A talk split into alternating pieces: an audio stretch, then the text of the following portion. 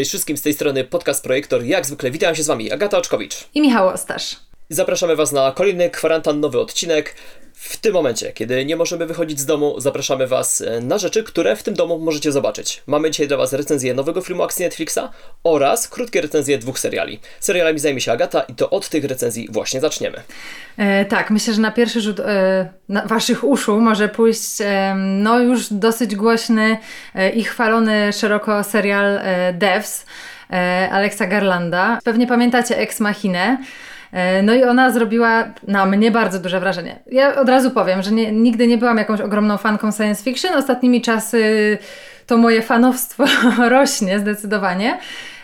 No i Ex Machina naprawdę pamiętam, że mega wrażenie na mnie zrobiła. Natomiast jeżeli chodzi o serial Devs, miałam taki spory problem. E, w ogóle serial opowiada o wielkiej firmie informatycznej, no i tam e, obserwujemy wydarzenia związane z zaginięciem jednego z, z jej pracowników z perspektywy partnerki tego, tego, tego pracownika. No i no i mam takie poczucie, że troszeczkę ten serial jednak poszedł za bardzo w, w filozoficzne tony a za mało skupił się na fizyce kwantowej, o której mówi, która w sumie ja na niej się nie znam, ale, ale wydaje się, że ma dużo wspólnego z filozofią. No i w każdym razie gdzieś tam ja straciłam takie mocne zainteresowanie tym, co się dzieje na ekranie. Trochę wydawało mi się być to wszystko hmm, za bardzo po prostu e, przekombinowane, gdzie w ogóle idea sama tego serialu wydaje się być dosyć prosta. Wiem, że może być trudne do zrozumienia, jeżeli nie widziało się tego serialu, natomiast gdzieś mam takie poczucie, że no, przyjemnie się to ogląda i ładne są te kadry wszystkie i, i, i w ogóle fajn, bardzo fajnie wypadł Nick Offerman, w, w, no, może nie w roli głównej, ale w jednej z głównych ról. szefa właśnie tej wielkiej, wielkiej firmy um, Amai.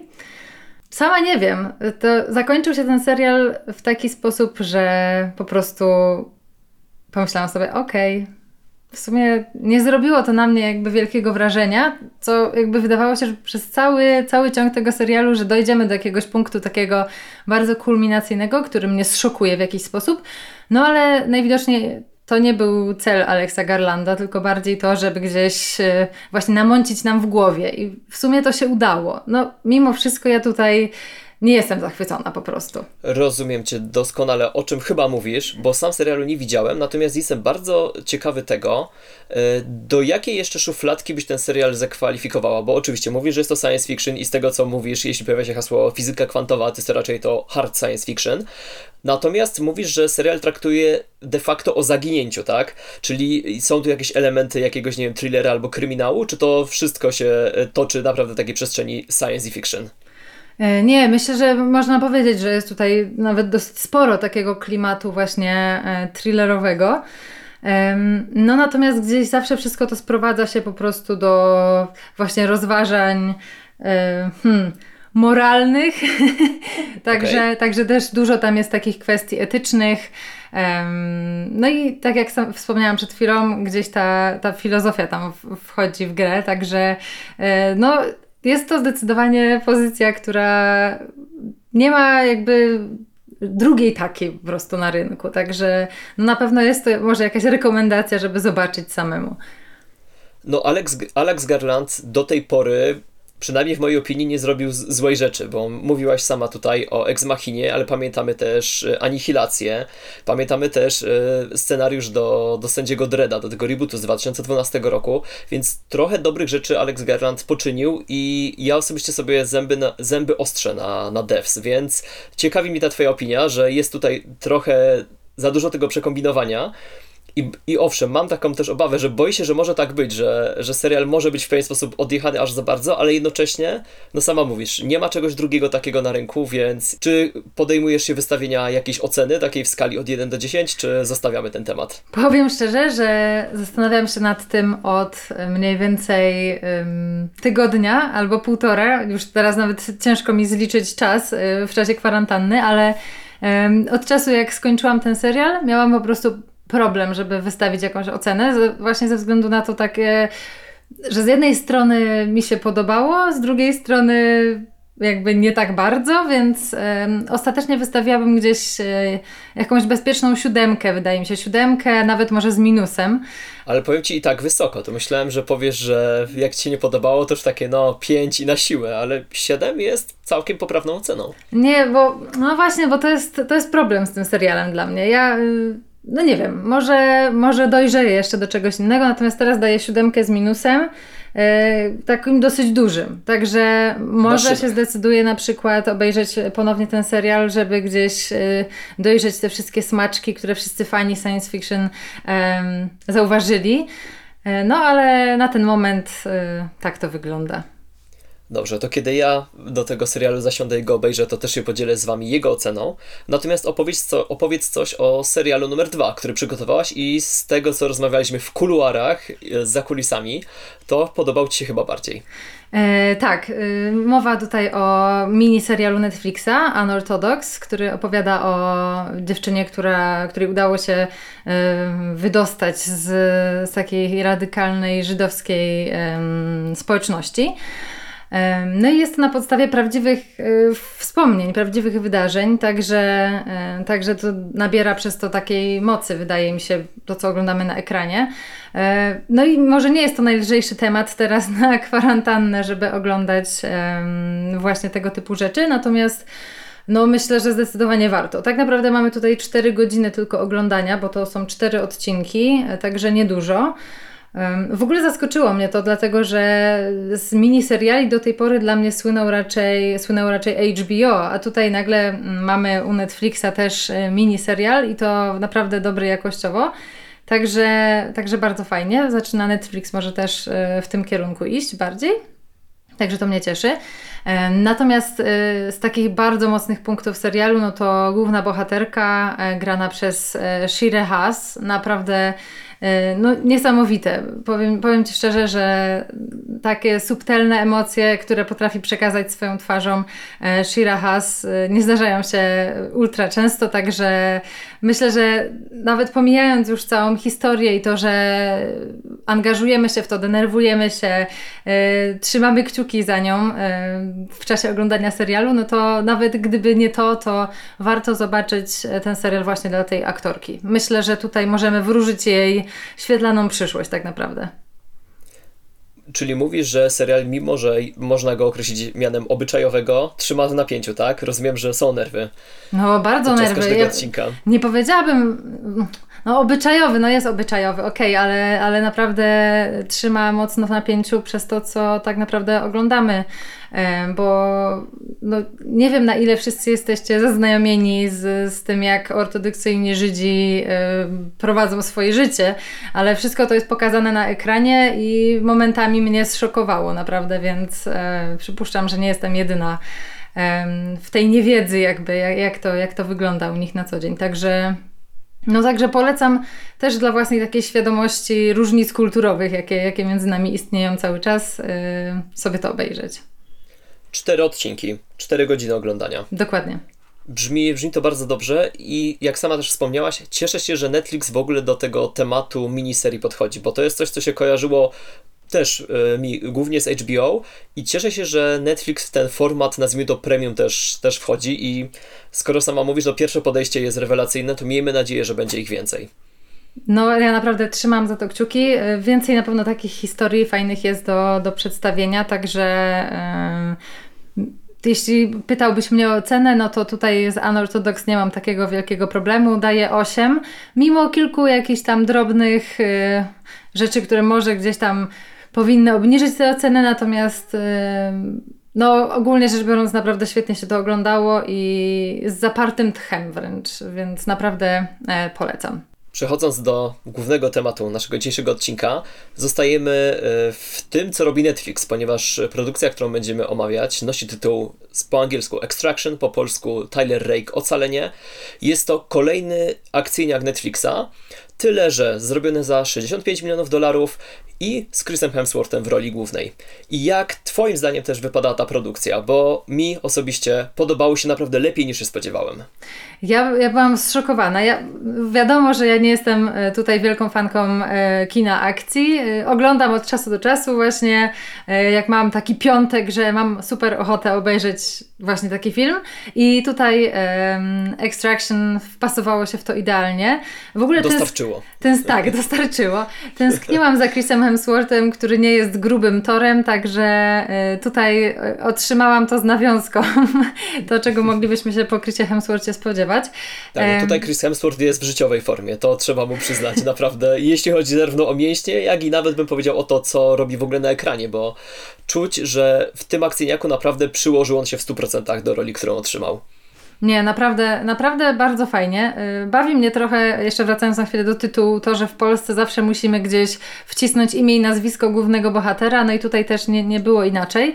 No ale, y, no ale niech będzie. W każdym razie, jeśli chodzi o sam, o sam film, no to muszę powiedzieć, że ym, mieliśmy ostatnio nawet y, poza tutaj kulisami naszymi e, rozmowę ym, o kinie akcji i właśnie o tym, że ostatnio w sumie nie produkuje się za bardzo nic takiego super dobrego, co by się chciało od razu wszystkim polecić do obejrzenia.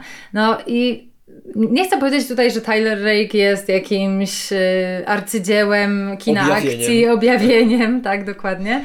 E, natomiast mam takie poczucie, że to jest. y, to jest to, czego oczekujemy po prostu od kina akcji. To jest y, jakby fabularnie w ogóle nas nie zaskakuje praktycznie ten film. Ja każdy twist gdzieś tam przewidziałam chwilę wcześniej.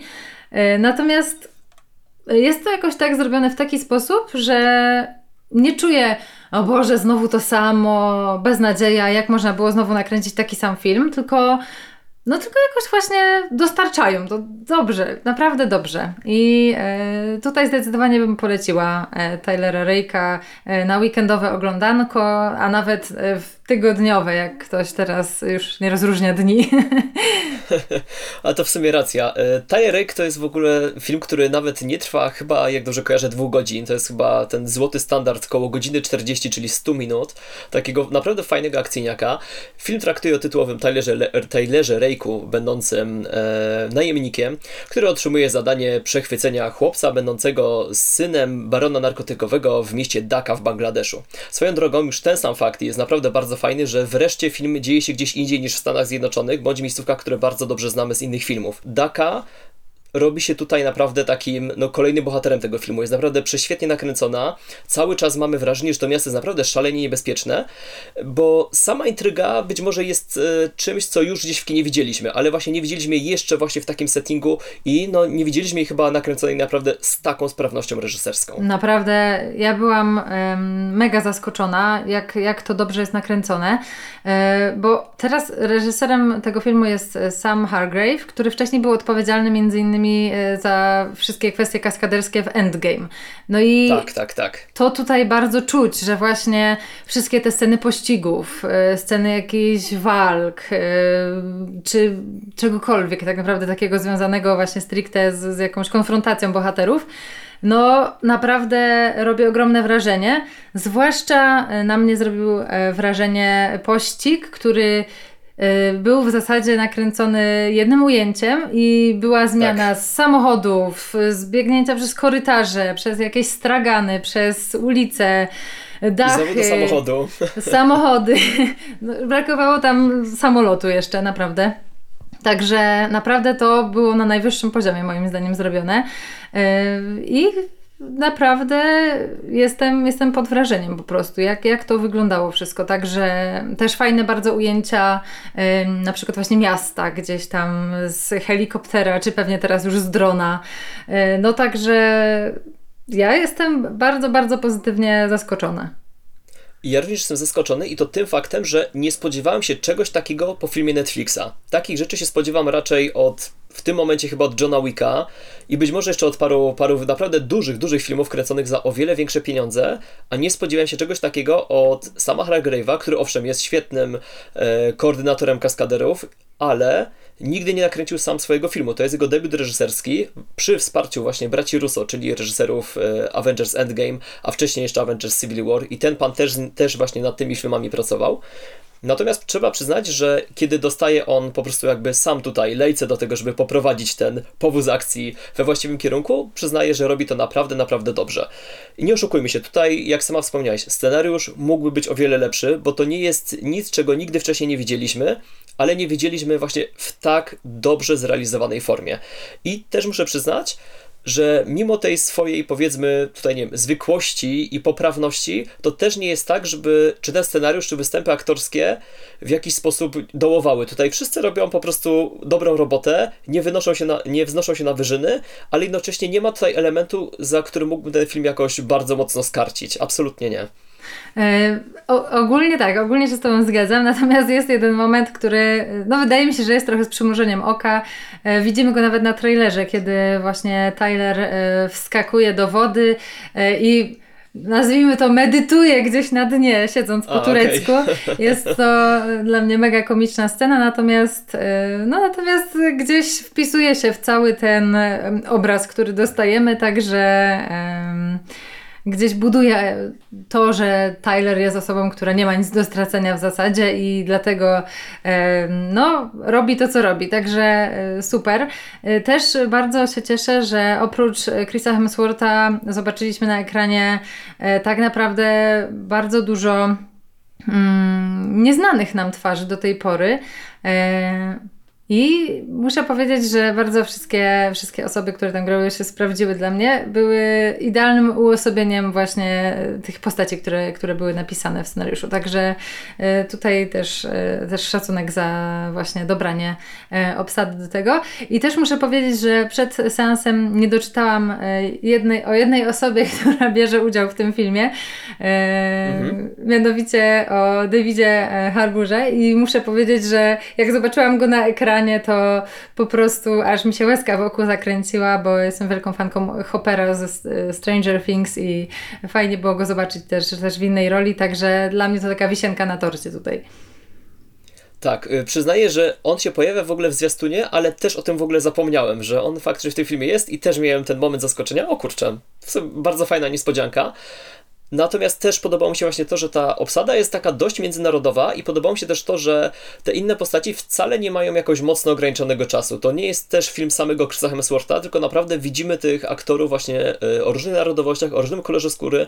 Naprawdę tych filmie całkiem sporo i to jest fajne. Podobnie jak, jak wspomniałem wcześniej, jak samo właśnie umiejscowienie akcji e, w dalekim nam, nam przynajmniej Bangladeszu, bo no robiło to naprawdę fajny, fajny klimat dla tego całego widowiska. Wydaje się, że właśnie każdy z elementów, który się pojawił w filmie, był odpowiednio zbalansowany, bo nie mamy tu też jakiegoś takiego przerysowania wręcz y, za dużych wybuchów, czegoś zbyt śmiesznego.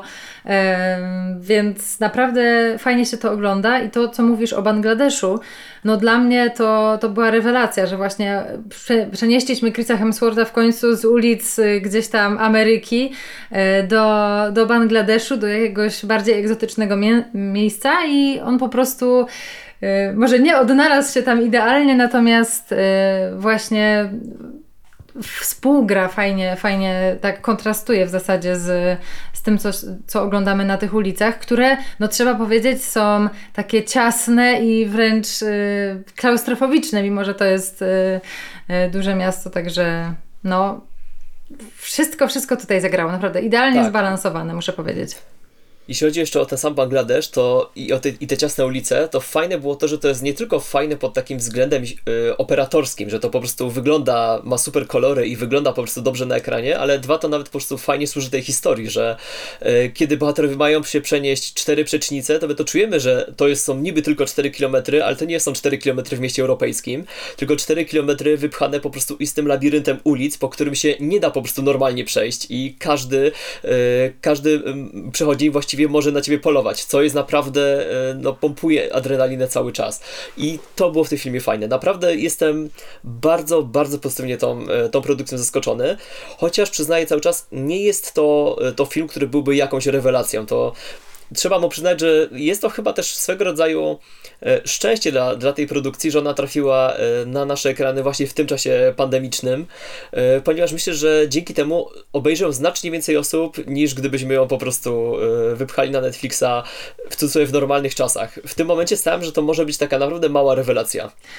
No, myślę, że możesz mieć rację, ale to, co powiedziałeś, że w sumie jakby film był przeznaczony na Netflixa, no i w sumie pasuje na niego, tak? Niekoniecznie powinien pojawić się w kinie, natomiast z drugiej strony trochę żałuję, dlatego że to, co właśnie się dzieje na ekranie pod względem zdjęciowym, fajnie zobaczyć na, na większym ek ekranie, ekranie mhm. niż nasz mały y, telefon albo komputerek. Także cieszę się, że gdzieś tam mogłam obejrzeć to na, na projektorze i Polecam Wam też jak największe ekrany e, do oglądania tak, tego tak. filmu. Dołączam się do tego apelu też. Przynajmniej na telewizorze obejrzyjcie, bo naprawdę, naprawdę warto. No dobra, to co? Myślisz, że to jest moment, y, w którym jesteś w stanie wystawić ocenę? Tak, y, będę wystawiał temu filmowi ocenę i y, tradycyjnie zaczynając, y, wystawiam temu y, filmowi Tyler Rake ocalenie ocenę 7+, bo jest to bardzo poprawny film akcji, jeśli chodzi o scenariusz, o występy, natomiast jest to świetny film akcji, kiedy chodzi o jego realizację i naprawdę nie spodziewałem się, że zobaczę rzeczy na ekranie, które tutaj zobaczyłem i że będą one zrealizowane aż tak dobrze, co jest tylko dowodem na to, że jeśli się chce, to naprawdę się da. I naprawdę Chris Hemsworth, no szacun za to, co, co zobaczyliśmy na ekranie, bo no to jest poziom, który, do którego dotychczas nas przyzwyczaiły naprawdę na największe tuzyki na akcji. I Krzysiu tutaj pokazał, że faktycznie potrafi. Potrafi się bić, potrafi kopać i cały czas widzimy na ekranie właściwie jego, więc naprawdę, naprawdę super. E, siódemka dlatego, że nie wychodzi ten film poza pewne schematy, natomiast e, no naprawdę jest to e, film, który ja osobiście bym zobaczył chętnie na, na wielkim ekranie, na ekranie kina i absolutnie nie żałowałbym wydanych pieniędzy, pieniędzy na swój bilet. I dodam tylko tyle, że Extraction, czyli Tyler Rake Ocalenie, to jest taki film, który pewnie z 30 lat temu by się pojawił na VHS-ie i bo to jest taka po prostu naprawdę prosta, prosta fabuła, ale jednocześnie byśmy go dzisiaj bardzo dobrze wspominali jako właśnie takiego akcyjniaka, akcyjnego klasyka, więc to mi się bardzo podobało. Naprawdę mocna siódemka ode mnie, dziękuję, oglądajcie. nie mogłabym się z Tobą e, bardziej zgodzić. W sumie nie chcę się za bardzo powtarzać, więc ode mnie też e, bardzo mocna siódemka, można powiedzieć właśnie, że 7 plus. No to co powiedziałeś, jakby bardzo jest satysfakcjonujący seans tego filmu. Możliwe, że to ten moment, w którym jesteśmy, spowodował, że właśnie no jakby aż tak nam się to podoba, ale z drugiej strony naprawdę fajny, solidny film akcji, także nie ma tutaj co um, narzekać, nie ma żadnych absurdów e, za dużych na ekranie, także Także fajnie i jeszcze jeden dodatkowy plus, y, pojawia się e, fajny kobiecy, silny charakter, e, babka z, z jakimiś shotgunami, także naprawdę e, do, do, dodatkowy atut dla mnie. Też Wam polecam seans, tak jak powiedziałam, na większym ekranie, o ile się da. I tym, tym akcentem będziemy się z Wami powolutku żegnać, natomiast już w tym momencie zapowiemy, co będzie działo się w następnym odcinku podcastu Projektor, ponieważ będziemy rozmawiać o filmie, w którym również grał Chris Hemsworth. Mianowicie powspominamy sobie, jak to było rok temu, kiedy wszystkie kina były jeszcze otwarte i były pełne ludzi, i jak to było rok temu, kiedy szykowaliśmy się wszyscy na premierę Avengers Endgame. Bo ten film obchodzi właśnie swoje pierwsze urodziny i stwierdziliśmy, że powspominamy właśnie najlepiej zarabiający film wszechczasów. I jak się zmieniło nasze podejście do tego filmu przez ostatnie 12 miesięcy, czy dalej uważamy go za taką rewelację, za jaką uważaliśmy rok temu, i czy jeszcze kiedyś doczekamy się czegoś podobnego w kinie. Możecie też e, oddać tutaj swój głos w tej sprawie, bo już na naszym Facebooku pojawił się post e, właśnie dotyczący rocznicy Endgame, także jeśli macie coś e, do dodania w tej sprawie, no to zapraszamy na Facebooka i do komentowania. Także, także o tym będzie w, na, w następnym odcinku. No a teraz e, dziękujemy Wam e, za to, że, że byliście dzisiaj z nami. Dajcie znać e, też, jak Wam podobał się mm, film Extraction na Netflixie. No i, no i co? Mi, miły, miłych seansów w najbliższych dniach. Tak, miłych domowych seansów. Siedźcie w domu, trzymajcie się w zdrowiu i ciepełku. Do usłyszenia. Cześć. Cześć.